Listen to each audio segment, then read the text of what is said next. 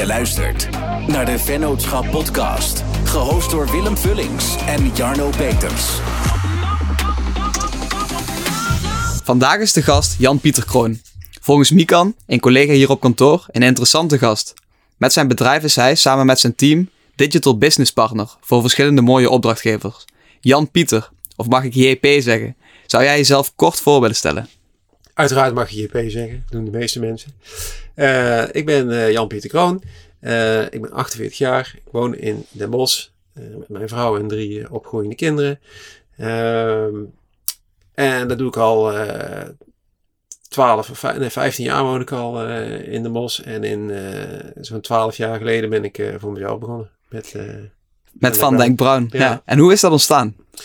Nou, ik, uh, ik werkte in eerste instantie uh, bij een aantal grote bedrijven en bureaus gewerkt. En ja, ik, ik wilde gewoon voor mezelf beginnen. En op een gegeven moment met een compagnon, ja, ik kwam gewoon als, als ZZP'er te werk. Toen raakte ik in gesprek met iemand om te kijken hoe we er vanaf konden dat je niet alleen maar uren maakt, maar dat je ook iets kan opbouwen. Iets wat, wat kan groeien, wat groter wordt dan jezelf. en toen zijn we begonnen met Brown. En, um, want jullie hebben één hele grote klant. Um, onder andere één hele grote klant, dat is ja. Heijmans. Ja.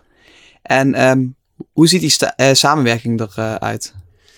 Nou, de, uh, toen we begonnen zijn, als ik een heel klein stapje uh, terug ga. Mm -hmm. Wij zijn begonnen zeg maar in de energiemarkt. Hè, met toenmalige compagnon hadden we bedacht dat we een prijsvergelijker wilden maken voor energie.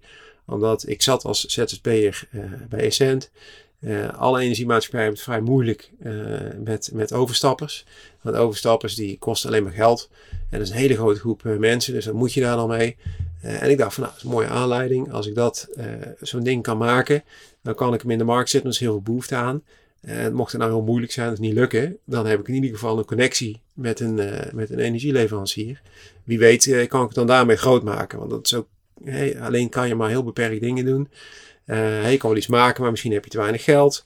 Uh, dus dat, zo, op die manier kijken naar de markt vond ik wel, wel, interessant. Daar zijn we mee begonnen. Toen hebben we dat ding heel snel in die samenwerking ook weer kunnen verkopen aan is een prima deal. Ehm, en zij zijn daar toen mee opgehouden. Dat vonden we heel onverstandig van ze. Uh, maar er had heel veel techniek in uh, die het mogelijk maakte om uh, zeg maar vast te leggen wie is nou een vergelijker hè, als persoon. Want eigenlijk wil je die groepen uit kunnen sluiten. Dus we waren heel veel bezig met data. en daar kwam op een gegeven moment via een goede vriend van me naar voren dat Heijmans het idee had van ja, we hebben ook data en daar moeten we wat mee en kunnen daar niet een bedrijf om beginnen. en ik had natuurlijk net, dat was in 2016, uh, dat, dat avontuur met Essente afgesloten. Uh, dus toen kwam eigenlijk precies het goede moment. En uh, dat is dus, laten we zeggen, vijf jaar geleden ongeveer. In april is, ja, trouwens, 1 april is het echt begonnen ook. Dus binnenkort in Lustrum, denk ik dan. en dat is eigenlijk heel natuurlijk ontstaan. Want um, um, wat zijn precies alle activiteiten en voor hoeveel procent van jullie klantenbestand bestaat uit Heijmans? Uh, wat we, ze hebben eigenlijk een heel abstracte vraag gesteld aan ons. Uh, is van, we, hebben, hè, we verkopen huizen. Uh, dan leg je alle, hè, die mensen die een huis kopen, wat, wat kun je nou met al die data die, zij, die, zij, die er dan ontstaat als het ware. dus toen zijn we eigenlijk heel pragmatisch gaan kijken naar van hoe kunnen we nou, wat kun je met die data en kunnen wij jullie überhaupt helpen? Want de, de bouw is natuurlijk een, tot op zekere hoogte een traditionele markt. Uh, hoe kunnen we nou jullie helpen om, om de stap naar voren te maken uh, met digitale marketing? Mm -hmm. En uh, in eerste instantie hebben we gekeken wat gebeurt er als je een huis koopt. Nou, mensen die een huis kopen, die weten dat. Dan geef je onwijs veel geld uit aan van alles. vervolgens hebben wij gekeken van is het dan interessant voor andere bedrijven? Dus bijvoorbeeld voor een bank, dat geef ik voor de hand, hè, want je hebt natuurlijk een hypotheek nodig. Maar je hebt heel veel verschillende dingen nodig. Dat, hè, je wil misschien ook wel gordijnen ergens kopen. Of uh, ik wil naar een bepaalde supermarkt of een sportschool. Dus op zich hè, het idee van, kunnen we nou iets, uh, kunnen we daar op de een of andere manier geld mee verdienen? Dat op zich spreekt daar wel aan. Maar het is ook een beetje gek, want je bent een bouwpartij. Dus hoezo ga je per se hè, geld verdienen aan data? Dat was in 2016 natuurlijk ook het nodig te doen. Over Cambridge Analytica met de, de verkiezingen. Dus het, het, het, was een beetje smoetsig. Mhm. Eh, ik vind er ook overigens niet beter op geworden eh, qua data. Eh, toch een beetje, eerst was het het toverwoord. En nu voelt het een beetje, eh, ja, mm, een beetje zo-zo. We gebruiken het wel. Maar op een positieve manier, denk ik. Nou, samengevat. Met Heimels hebben we toen bedacht om niet een databedrijf te gaan beginnen, maar wel die data te gebruiken om te kijken, kun je je proces heel goed inrichten? Kun je heel goed mensen vinden die in de markt zijn voor een huis? Nou, allerlei technieken hadden we daarvoor, hebben we nog steeds, eh, die ons in staat stellen om eh, heel efficiënt campagne te voeren. Nou vraag was voor hoeveel procent eh, bestaat onze, onze omzet uit, uit Heimans? Ehm, wij, gaan, we, we doen steeds meer omzet buiten Heimans, maar Heimans is wel de grootste. En dan moet je denken aan, aan drie kwart of zo eh, van de omzet is, eh, is Heimans. En het, eh, het leuk vervelende, wie heeft het goede woord vinden, is dat elke keer als we, dan vinden we een andere klant erbij, dan groeit Heimans weer harder. Want Heimans is natuurlijk heel erg groot. Dus we zijn nu ook binnen andere onderdelen van Heimans aan het kijken, die bijvoorbeeld de, de, de zakelijke tak, of we die kunnen helpen. Die staan ook weer helemaal aan het begin eh, van, eh, van, van digitaal gaan. En we hebben natuurlijk heel veel geleerd in dat team. Ja, want ik kan me voorstellen dat heel veel ondernemers denken van, oh, als ik zo'n klant heb, ehm, dat is natuurlijk de ideale droom. Ja. Maar is het, ook, eh, is het ook ergens angstaanjagend dat zo'n, bijvoorbeeld zo'n grote partij het stop kan zetten? Of, Tuurlijk, en en hoe, hoe, hoe denk je daarover na? niet te veel. nou ja, tuurlijk is dat heel vervelend. Maar als je naar andere bedrijven kijkt, die, ik, ik zie het zelf een beetje als een, als een soort launching customer. Het is, eh, natuurlijk is het risico en natuurlijk probeer je om eh, andere klanten erbij eh, te vinden. Ik denk ook dat de ideale mix is dat je, er, dat je meer klanten hebt. Daar staat tegenover als je heel veel kleine klanten hebt. En dat, we merken nu ook bijvoorbeeld acquisitie. nou, sowieso in de tijd van corona is best wel lastig. Je loopt niet zomaar elkaar tegen het lijf. Je komt elkaar niet zomaar ergens tegen. Dus dat maakt het echt ingewikkelder om bij mensen die je nog niet kent eh, aan tafel eh, te komen. Ja, dan ben je, het is heel dubbel. Want enerzijds ben je natuurlijk, het is, we hebben langdurige contracten met ze. Dus wij hebben daardoor tot op zekere hoogte helemaal geen last van corona. En natuurlijk iedereen heeft er last van. Eh, maar qua, qua werk en mensen, nou, voorlopig heb ik in ieder geval eh, niemand hoeven ontslaan bijvoorbeeld daardoor. En dan hoor je natuurlijk andere dingen over. Eh, dus ja, het is, het is heel dubbel. Mhm. Eh, maar ja, ik ben blij dat ik ze heb. Want het is ook, behalve dat het een, het is een heel onverwachte klant. Hè, omdat die ja, in de bouw? Hè, het ligt niet meest voor de hand in eh, digitaal. Ehm, maar het is, als ik, eh, ik bedenk me net, ik zeg het, eh, klant, dat vinden ze niet zo leuk om te horen, want ze voelen zich helemaal geen klant. Echt een Dus- partner. Ja, het is echt, maar het is ook echt een partner. Ja. Dus het is, we bespreken alles met elkaar. En ja, dat is gewoon eh, ja, heel fijn. Ja, want zo'n partnership, ehm, ehm, je zegt al dat je meer ehm, andere opdrachten of vrijere opdrachten eh, doet daar buitenom. Ja. Belemmert dat ook in groei of expertise of creativiteit dan? Omdat je daar best wel aan vast zit voor driekwart? Of voelt dat niet zo? Nou, het belemmert je niet, zeg maar. Het is. eh, nee, nee, nee, het belemmert me eigenlijk niet. Kijk, het enige wat, we, wat belemmerend was, is dat ze. We hebben op een gegeven moment gedacht, als je in de bouw, zeg maar, echt weet hoe het werkt, dan wil je wel best wel graag eh, voor meer partijen in de bouw werken. Mhm. Eh, dat vonden ze niet heel erg leuk. eh, Nee, dat snap bij, eh, Bij dat snap ik ook. Maar dat, ja, ik ervaar het in ieder geval niet als een belemmering. Het is, het is meer van, hè, we kunnen een mooi team opbouwen. Het is misschien meer dat je best wel moeite moet doen om zelf fris te blijven. Je moet eigenlijk steeds, dat moet je voor alle mensen en alle partijen doen waar je mee werkt. Je moet steeds jezelf blijven uitvinden eh, om voorop te blijven lopen. Maar is het, ehm, want, want, want jullie hebben dan zo'n, zo'n, waarschijnlijk zo'n mooie partnership, dat het voor jullie ook niet interessant is om wat jullie heel goed kunnen voor heel veel bouwbedrijven doen op grote schaal? Nou, op, op zich, in, in zoverre is het, is het is voor Heimels niet zo interessant. Voor ons, dan wordt het op een gegeven moment een kunstje. Dus dat is, wel, dat is op zich niet zo erg om te doen. Het voordeel ervan is dat als je bij andere, dat vind, heb ik ze ook zo verteld. eh, als je bij andere bedrijven binnenkijkt, daar leer je ook wat van. Hè? Want misschien eh, eh, doet een andere bouwer wel andere dingen. Mhm. die eigenlijk veel slimmer zijn. Of die gaan op een bepaalde manier met websites om. Of weet ik veel wat. Dan krijg je een soort kruisbestuiving. Eh, dus ja, het gaat een beetje twee kanten op. Kijk, wat, wat nu is, wat voor hun gewoon heel fijn is, is als je. eh, we nemen altijd telefoon op als ze bellen. En als je kijkt naar hele grote bedrijven, hè, die dus eh, ja, echt heel veel meer partijen hebben, dan word je toch wat meer een, een, een. Ja, dan word je misschien wel een klant, misschien moet ik het zo zeggen. En dan krijg je gewoon minder aandacht. En die, die aandacht, dat zijn we nu eigenlijk als, onze, als, als een van de belangrijkste kenmerken van het bedrijf aan het, aan het meenemen. En eh, hoezo eh, denk jij dat Heijmans voor jullie kiest en niet die mensen zelf aantrekt? Nou, ze trekken voor een deel zelf mensen aan. Hè? Dus we hebben, zeg maar, het is best een groot team wat eh, ontstaan is. Wij, wij doen alle campagnes. Dan is er nog een, een ander bureau dat doet alle, alle websites. We zijn niet per se een webbouw. We bouwen ook wel webpagina's, maar dat is niet onze core business. Eh, en ze hebben zelf eh, heel veel, nou heel veel, ze hebben zelf een stuk of acht mensen, eh, marketeers intern. Mhm. En die zitten bij al die projecten. Want wat je eigenlijk helemaal niet ziet, is dat ze, het is niet zozeer de Heijmans show hier hoor, maar ze hebben een, We gaan zo naar ja, ja. Ze, ze- ze hebben een hele grote ho- hoeveelheid projecten die tegelijkertijd lopen. Die moeten allemaal gemanaged worden.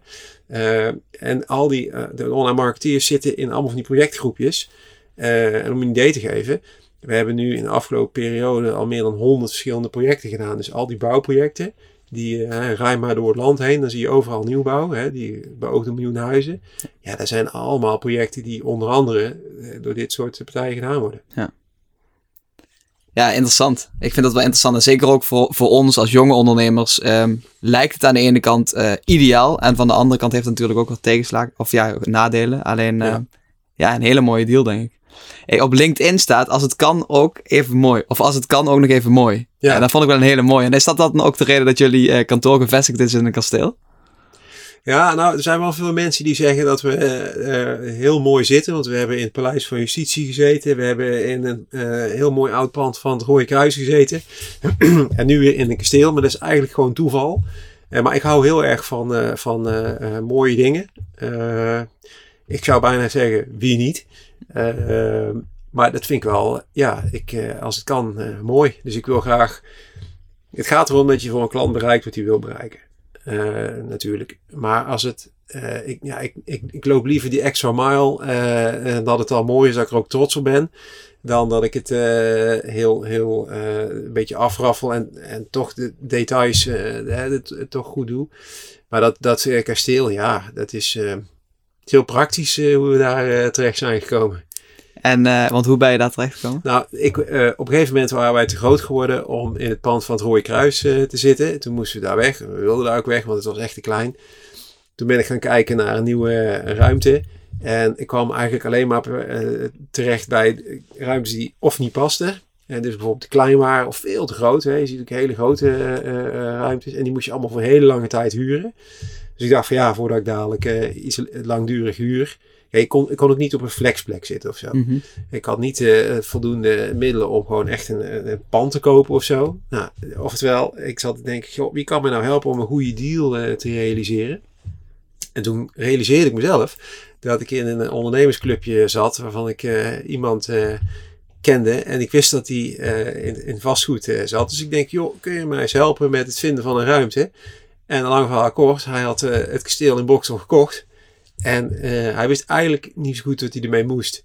In die zin dat het, eh, ja, je kunt niet zomaar iedereen erin zetten, hè, want anders het is het allemaal mooi, maar als je heel lom doet, binnen een dag liggen de deurklinken er vanaf natuurlijk. En ik wilde die ruimte wel hebben. Ik vond het een mooie ruimte en ik kon een goede deal maken. En wat ook heel belangrijk was, is dat het zit in Bokstel. Ik heb niet per se iets met Bokstel. Maar eh, het zit toevallig halverwege eh, Den Bosch en Eindhoven. Er zitten natuurlijk veel technische mensen in Ja. Eindhoven En creatievelingen natuurlijk. creatievelingen. Eh, dus ja, dan heb je een, een plek die goed bereikbaar is. Parkeren is niet per se een probleem. Dus ja, 112. Oké, want hoe, hoe groot, hoe ziet jullie organisatie er momenteel uit? Wij werken met een team van ongeveer acht vaste mensen. En daaromheen zit een, eh, zit een aantal eh, freelancers of eh, mijn eigen vrouw werkt af en toe mee, die schrijft teksten. Dus zo, zo hebben we wisselende samenstellingen en dan zit je zo'n zo'n beetje tussen de 10, 15 mensen, ongeveer afhankelijk van wat er te doen is. En waar zijn jullie als team echt goed in? Eén ding. Heel veel campagnes tegelijkertijd doen. En ehm, kun je daar meer over vertellen? Hoe gaat dat precies in zijn werk? Nou, als je, als je veel campagnes tegelijkertijd doet, dan is het uh, heel belangrijk om, uh, om die goed te kunnen scheiden van elkaar. Uh, en dat is in aanleg heel, nou, niet, niet zo ingewikkeld. Maar als je 80 projecten tegelijkertijd doet, voor eenzelfde klant bijvoorbeeld, dan wordt het lastiger. Mm -hmm. En als je daar ook goed over wil kunnen rapporteren, dan, dan heb je gewoon goede systemen nodig om, om dat te kunnen doen. En dat zijn we vind ik het mooiste eigenlijk. Dat is heel natuurlijk ontstaan. We hadden op een gegeven moment, moesten we, gingen we dus alle campagnes doen uh, voor Heimans. Nou, wisten we niet waar we aan begonnen eigenlijk, want toen bleek dat de tientallen tegelijkertijd waren. Nou, hoe hou je die uit elkaar? Toen zijn we begonnen met het bouwen van een nummergenerator. Dus moest, elk uh, project moest een uh, uniek nummer hebben. Nou, daarmee beginnen, begonnen. Vervolgens dachten van, nou ja, ik wil eigenlijk ook wel weten wat ik dan per project in een bepaalde periode heb uitgegeven. Dus toen hadden we, uh, zijn we doorgegroeid daarin. Dus dan kunnen we zien uh, wat je dan in een periode uitgeeft. en de laatste stap, of in ieder geval de derde stap, is om de dashboarding, waar we, die kochten we ook in. Waren we niet helemaal tevreden over. Sommige dingen wel. Nou, hebben we de beste dingen daarvan samengevat. En nu hebben we eigenlijk een soort product daar heeft Mikan ook uh, nog aan. Pixel aan Kitchen heet het, hè? Pixel Kitchen uh, heet het. Uh, die naam die had ik toevallig nog. Ik heb ooit, ooit gefotografeerd en dat vond ik super leuk. Pixelkitchen.nl vastgelegd en nu hebben we Pixel Kitchen. Is dat voor jullie ook, of voor jou, is dat een model wat, wat de ondernemer allemaal wil om van het uurtje factuurtje naar het SaaS-model te gaan? Of, of zie je dat niet zo? Ja, het is wat ik het is, het is een combinatie tussen zeg maar, opportun, opportun handelen. Hè. Er komt iets voorbij en hè, een, een, grote opdrachtgever komt voorbij. Ja, dan, dan, dan moet je daar iets mee. Die wil je goed kunnen bedienen. Dan, dan, dan ontstaat zo'n systeem. Dan zie je dat die systemen er eigenlijk niet of heel weinig zijn. En nu gaan we denk ik inderdaad doorgroeien naar een SaaS-achtige oplossing. Waarbij je dat voor meerdere partijen gaat doen. Dat is ook heel leuk. Het is ook het leuke daaraan is, dat, dat doen we nou met een paar jongens uh, van techniek. Uh, die kunnen zich er helemaal in vastbijten. En uh, ik vind het mooi als, ja, misschien is dat wel het mooiste van ondernemen, als zoiets ontstaat, wat je nog niet van tevoren bedacht had. en ik ben toch niet zo van het alles vooruit plannen. want ja, hè, de wereld ontvouwt zich aan je eigenlijk. Daar moet je op ingaan en dan moet je de mensen om je heen verzamelen die dat leuk vinden. Ja, nu, ja, nu, nu hebben we in één keer uh, die Pixel Kitchen. En staan we op het punt om te kijken hoe kun je dat dan groter maken. Ja, vet. Eigenlijk dan ga je ook echt aan iets werken in plaats van dat je in een bedrijf aan het werken bent. Ja. Of eigenlijk alleen maar ja. elke dag voor een klant aan het werken bent. Ja, ja klopt. Um, in hoeverre denk jij dat de, uh, ja, de steeds scherpere privacywetgeving digital marketing gaat belemmeren in de toekomst? Ja, ik denk dat het op zich niet gaat belemmeren. Digital marketing blijft wel uh, bestaan. Uh, ik denk dat wat, ja, het wordt wat minder gericht allemaal. Dus als je het, het zou kunnen. Kijk, ik kan natuurlijk niet echt in de toekomst kijken. Maar uh, de eerste reactie die ik heb is dat ik, het gaat toch wel een beetje op tv lijken. Je kunt iets minder goed. je kunt wat meer contextueel doen. Als ik op ik veel, geld.nl aan het kijken ben, dan kan ik een hypotheekadvertentie laten zien of, of dat soort dingen. Uh, ja, dus contextueel zal belangrijker worden. Uh, maar op, overal vind ik het wel goed dat. Ik vind wel dat we iets te veel privacy uh, inleveren op dit moment. Hm. en als het dan betekent dat ik misschien wat meer ongerichte reclame moet ontvangen of moet versturen naar mensen. Ja, dat is dan maar zo. Ja, ja precies. Want, want denk jij, wij, wij zijn er natuurlijk ook mee bezig. En um, hoe, hoe zie jij het volgende? Um, denk je dat het bijvoorbeeld zin heeft om als eigen MKB-bedrijf nog een eigen audience, eigen following op te bouwen? Of, of hoe zie je dat? In, als je dat vergelijkt met adverteren. Nou, ik denk dat het altijd goed is om. Misschien moet je niet zozeer proberen om een audience op te bouwen om op te adverteren. Maar wat wij nu zelf ook proberen is, je wil eigenlijk uh, zeg maar, een audience opbouwen of social inzetten om te laten zien wie je bent, hoe, hoe je als bedrijf bent. Want uh, een, een, langdurige samenwerking, die, ja, die, die is ook toch uiteindelijk tussen mensen. En je moet elkaar gewoon een beetje leuk vinden. Want uh, je komt ook in een samenwerking, kom je op, op punten uit dat het misschien moeilijker is of minder leuk of je moet iets creatiefs verzinnen, weet ik veel wat. En dan komt het erop aan of je elkaar ligt. En uh, als je dus veel zendt op, uh, op social media, dan kunnen partijen daar ook een beetje een gevoel van krijgen. Want er zijn natuurlijk veel meer uh, reclamebureaus. En sommige mensen die zullen JP heel leuk vinden.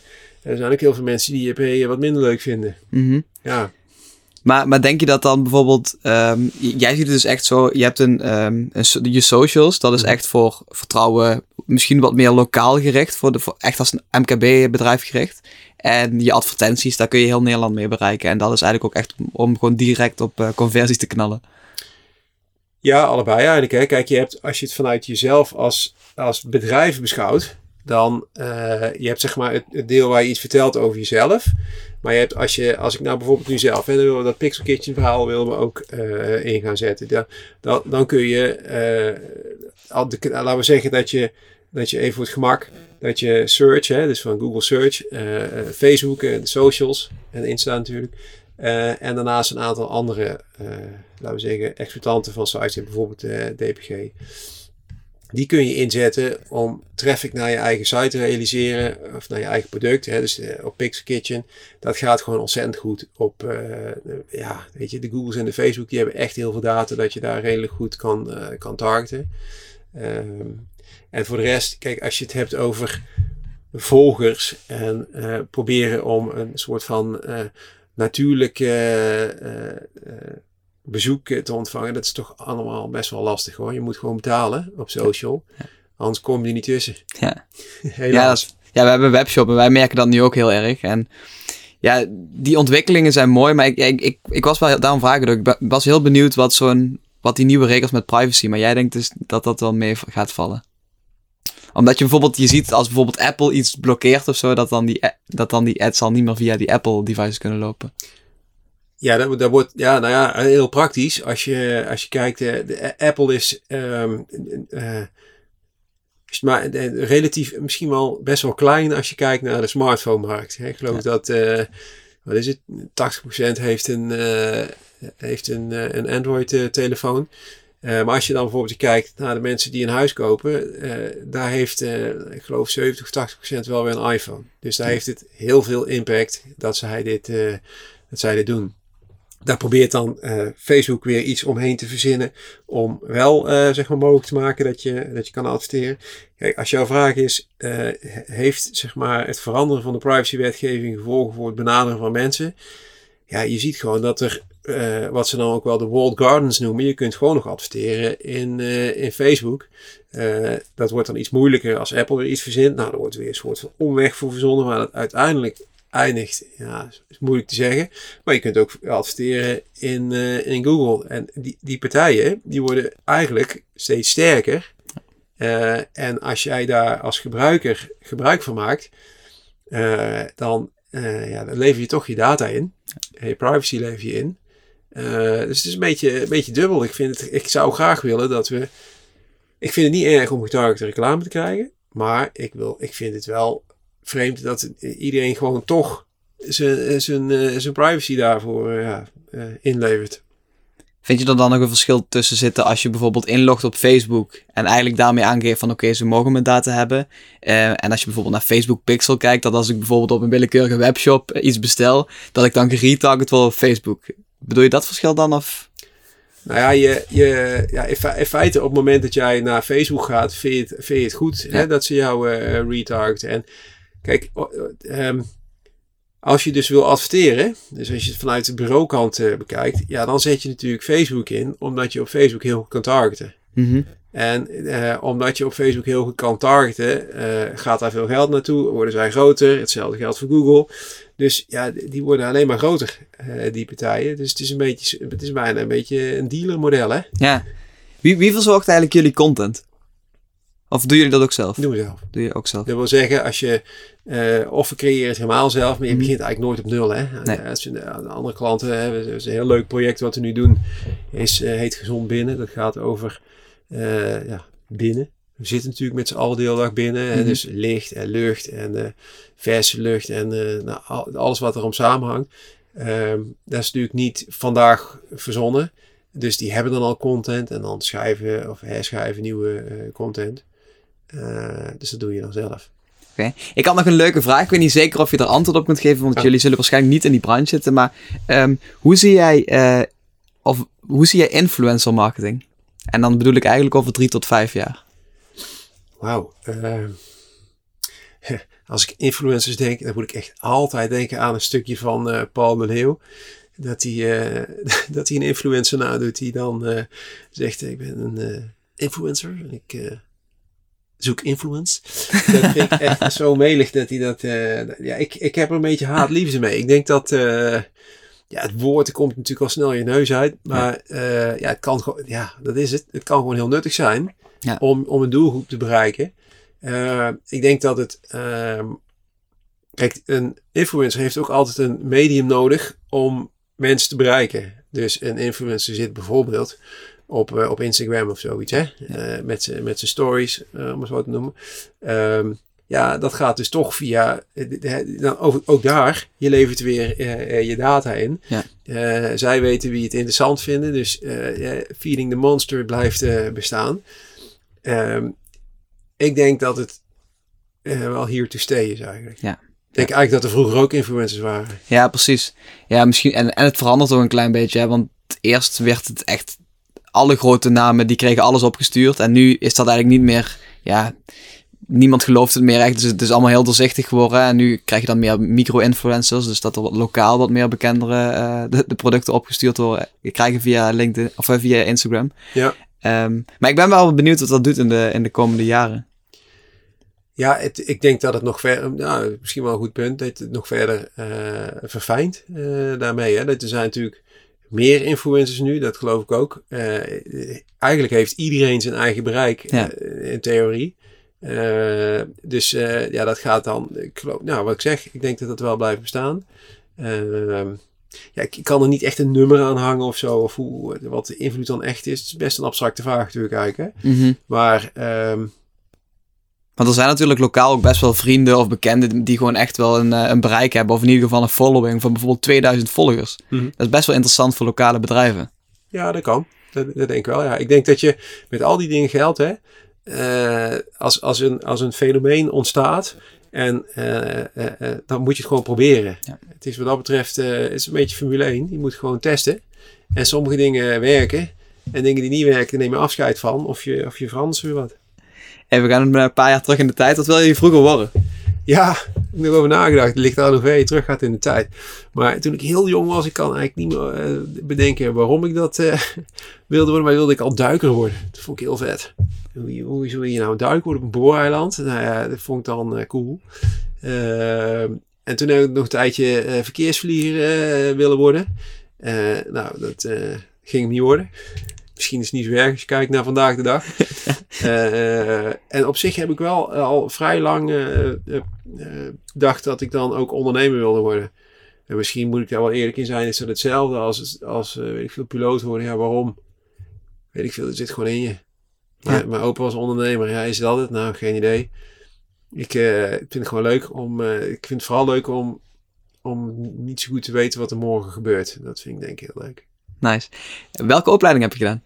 Ik heb eh, economie en psychologie gestudeerd. Ik ben uiteindelijk afgestudeerd in economische psychologie. Ik had, lachen, ik, de economie vond ik heel typisch. Dan gaan ze uit van de rationele consument.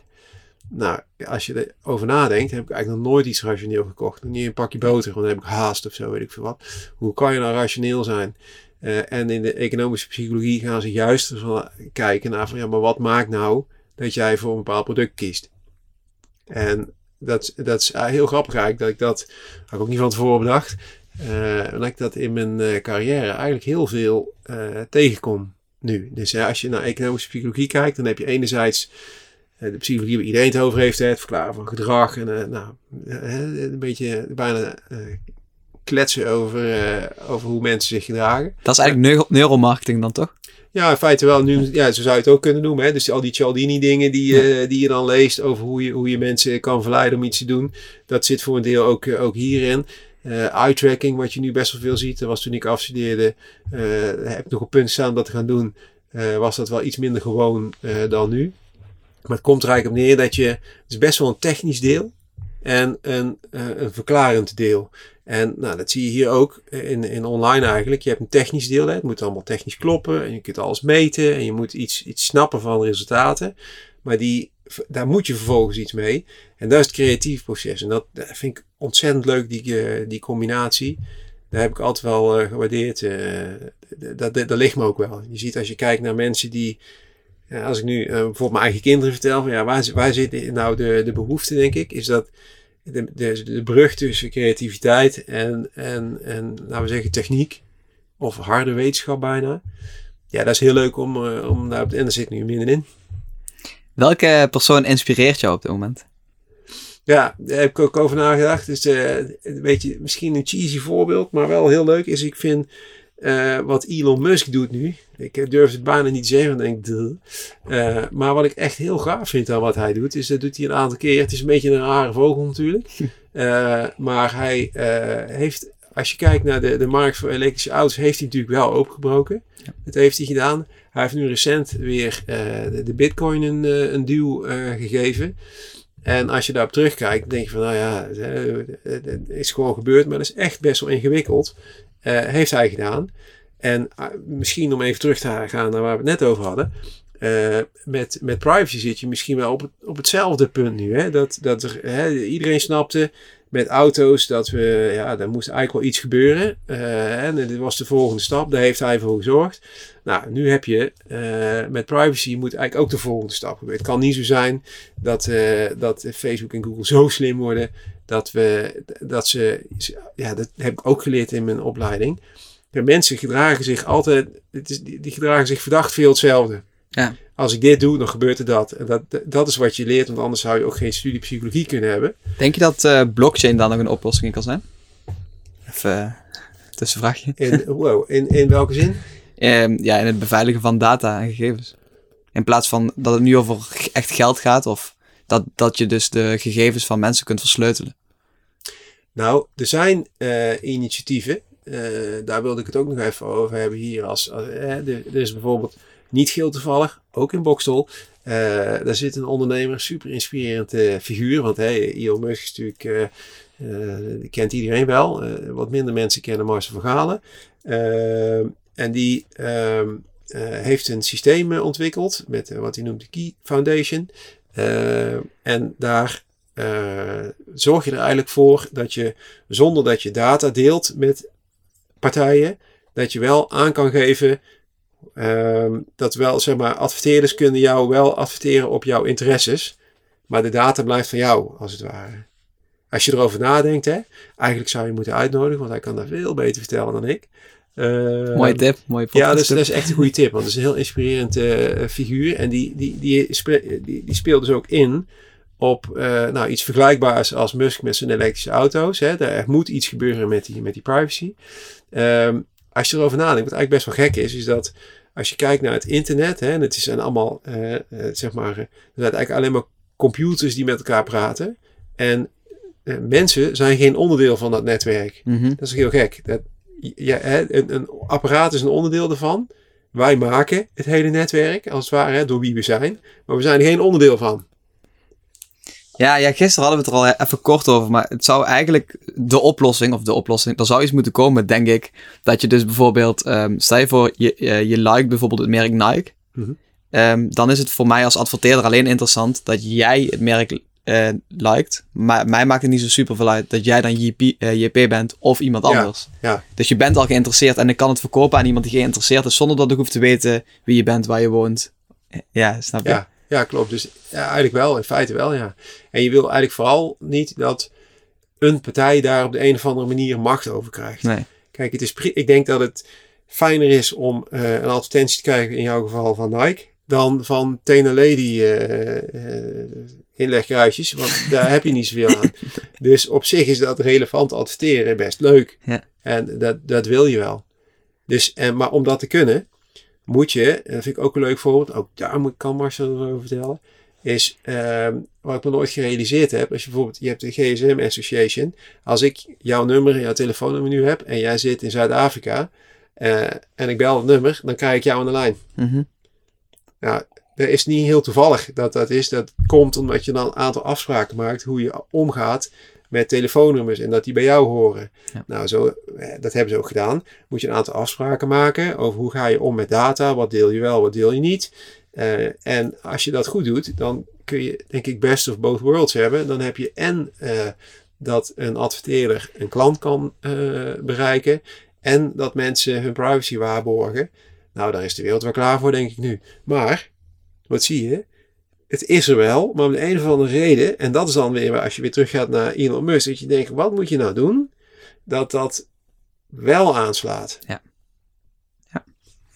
Ja, dat is wel een heel, heel interessant eh, punt. En ja, het gaat iedereen aan. Dus het, Ja, er moet iets. Kijk, ik, ik- ik kan me ook voorstellen dat een, dat een overheid dat doet of zo. Voor zover dat een betrouwbare partij is. Hè. Op digitaal gebied. ja, zeker op digitaal gebied, maar op alle gebieden. Ik bedoel, hè, voor je het weet, eh, hou je een blaadje verkeerd vast. Eh, slecht verhaal. Ehm, maar goed, de, ehm, ja, er moet denk ik wel iets gaan. Laat ik het anders zeggen. Ik, ik zou hopen dat dat gebeurt. Hoe, hoe ziet voor jou de optimale werkweek eruit? dat ik eh, kan doen wat ik me bedenk. Dus dan, ik bedenk me altijd van, nou, ik wil dit en dat doen. En, eh, en, dan, en dan komt de, de gruwelijke werkelijkheid. En dan eh, is het in één keer vrijdag. En dan denk je, oh jee, wat moet ik nou weer eh, eh, allemaal doen? Dus ja, ideale werkweek is eigenlijk dat ik in het begin van de week bedenk wat ik wil eh, bereiken. Is niet heel concreet dit, hè? Nee.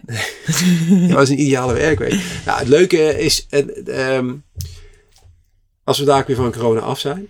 eh, wat ik heel erg belangrijk vind, is dat ik in de ochtend eh, bij mijn kinderen zit eh, aan het ontbijt. Dat vind ik heel erg leuk. Want die groeien natuurlijk heel hard op. Dus dat vind ik heel fijn. En dan ja, geconcentreerd kunnen werken. Ik vind het moeilijker om er een concreter antwoord op te geven, merk ik. Ehm, hoe zorg je eh, hoog energieniveau? Heb ik, van, heb ik van mezelf al. Ja? Ja, ik heb van, ja, ik moet eigenlijk voorkomen dat ik niet een laag energieniveau krijg door bijvoorbeeld heel laat naar bed te gaan of zo. Of, eh, of, eh, of door te zakken. Sport je veel? Ja, ik sport heel veel. Ja, ik, heb, ik merk dat hoe, hoe harder je werkt, hoe meer je moet sporten. Eh, doe ik ook, ja, dan blijf je wat beter in shape. Maar ja, echt afvallen doe je van afvallen doe je door minder te eten. Ja. Ja, en sporten, dan voel je je gewoon goed. Ja, dat is altijd wel een interessante. Want vaak als je echt in die, in die rush zit, dat je echt volle bak aan het werken bent, dan is het, heb je toch vaak minder zin om toch even te gaan sporten. Juist voor de niet. meesten. Ja, voor de meeste. Nee, heb je dat niet? Nee, nee, Oké. juist niet. Nee, ik heb het juist eerder omgekeerd. Als je, kijk, ik, ja, het ligt eraan wat je bedoelt met in een rush zitten. Als je, als je zeg maar in een, in een soort, wat je- wat je zegt, in een soort van bubbel zit. En het gaat gewoon heel lekker. Ja, dan ga je niet per se sporten. Maar als je dan kijkt, laten we zeggen, in de week. Dan, je, kunt ook niet alleen maar werken. Nee. Dus, en ik denk dat als je goed wil werken, dan is eh, ja, voldoende afleiding super belangrijk. Ja, zeker. En zeker ook als je achter de computer zit te werken natuurlijk. Hè? Ja, af en toe kun je helemaal, helemaal gaar van worden van Ja. een scherm. Ja, dat heb ik ook. Dus dan, dan moet je gewoon, ja, dat heeft iedereen. En het is, eh je ziet bij kinderen ook, hè, maar je hebt zelf ook af en toe zo'n dag. Dan kijk je heel meer naar een mobieltje. En ja, je, je wordt er gewoon gaar van. Ja, dat klopt. Eh, lees je veel? Ja. Ehm, heb je een leestip? Ja, ik vind eh, kranten lezen heel erg leuk. Dus ik, ik lees veel. Ik, ik, als ik, eh, ik lees niet per se eh, heel veel boeken of zo. Mijn vrouw en een middelste dochter die lezen zich helemaal suf aan, aan allerlei, allerlei boeken. Ik zit meer op, het, op de Volkskrant, het FD, de e-mers, dat, dat soort dingen. Gewoon- om, ik vind het FD een hele leuke krant. Ja. Dat zou je niet zeggen. Maar dat is gewoon een leuke, tenminste ja, zou je niet zeggen. Eh, ja, die vind ik gewoon interessant. Een goede krant. Ehm, ja, en dan, je weet dan wat er speelt. Vind ik Ja. wel leuk. Oké, ik ga je een aantal eh, dilemma's voorleggen. Ja. Sluit ermee af. Ehm, ik heb ze afgelopen week eh, ik heb ze aangepast, dus eh, jij hebt er een aantal gezien. Eh, Den Bosch of Ibiza? Eh, Wauw. Ja, toch Ibiza, denk ik. Bellen of WhatsAppen? WhatsAppen. Bier of wijn? Ah. Eh, goh. Dat is een moe- moet ik echt kiezen of mag ik... Ja, nou, Moet dan, eh, dan, eh, dan, goh, dan wordt het toch... Goh, dan wordt het een wijntje. Camping of luxe hotel? Luxe hotel. Club of kroegtijger? Club. Alfa Romeo of Mini? Mini. Wandelen of fietsen? Fietsen. Ochtend of avond? Oh, dat is echt allebei. Maar dat is omdat ik de hele dag aansta. Eh ja, avond. Specialist of generalist? Specialist. Formule 1 of voetbal? Ja, Formule 1 natuurlijk. Netflix of Videoland? Netflix. Leider of volger? Leiden. Radio of podcast? Radio. Wintersport of zonvakantie? Wintersport. Marketing of sales? Marketing. Spreken of luisteren? Oh, spreken. Ah, ah, ah. Nee, dat is niet waar. Ik zit nu ook te denken van, goh, heb ik, het is heel grappig hè, als je, als je over nadenkt dat je, je, eigenlijk maar een paar one-liners doen of zo, want ik praat weer veel te veel. Dus is, ik altijd, het is een beetje een, een brei van info, dus ik moet mezelf echt stoppen om eh, niet te veel te vertellen. Nou, dat is natuurlijk weer gigantisch mislukt net. Maar ehm, ja, eigenlijk moet je gewoon luisteren natuurlijk. Luisteren en dan praten. ja, moet ik ook leren. Ja. hey, eh, heb- heb je nog een gouden tip voor de luisteraar? Of een quote? Een quote. Eh.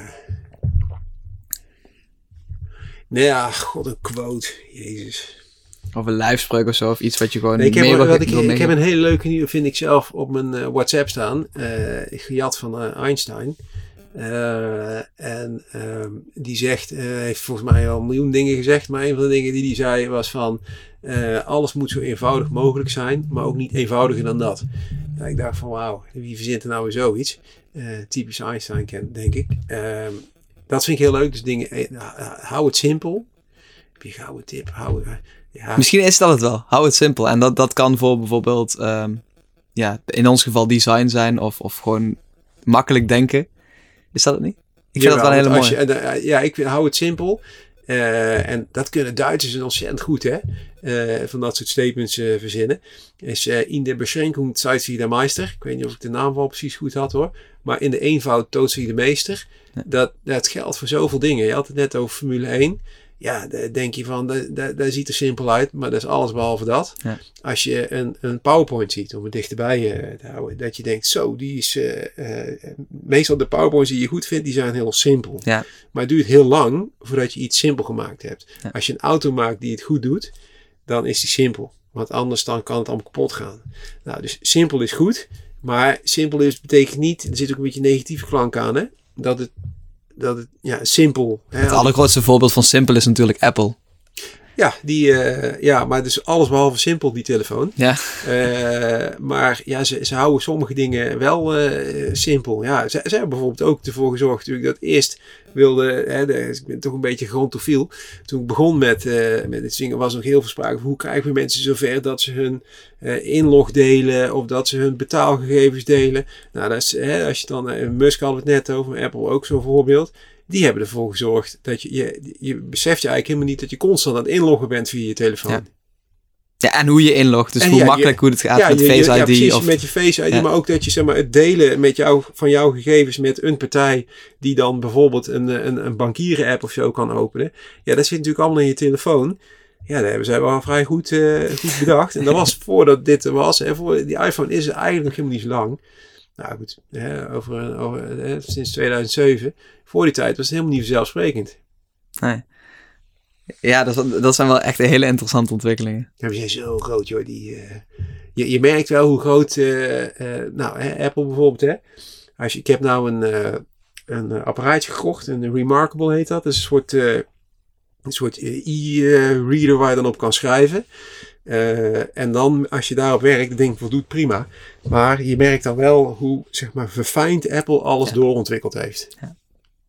Dat, eh ik, enige nadeel is, op een gegeven moment heb je gewoon voor een fortuin aan Apple stuf in je huis liggen. Er zijn ook altijd twee kampen. Dus je hebt of team eh, Windows of eh, Android en team, eh, team Apple. Ja, ik vind het heel grappig. Om, je zegt dat nu. we hebben een van de jongens die bij techniek doet, Mark, die, die moest allemaal niks hebben van Apple. En daar begon hij laatst, begon hij toch van, ah ja, zo'n MacBook, dat, dat heeft toch wel wat. dus dat, maar goed, heel veel mensen vinden het dan weer vervelend om zich helemaal een soort van over te leveren aan zo'n eh, zo, zo'n omgeving. Maar ik vind het, ja, ik vind, eh, ik vind dat ze het wel goed doen eigenlijk. Ja, Het werkt gewoon heel fijn. Ja. Hey eh, JP, dankjewel voor je komst. Nou, graag gedaan. Top. Bedankt voor het luisteren naar de Vennootschap podcast. En vergeet niet te abonneren op Spotify en Apple Podcasts.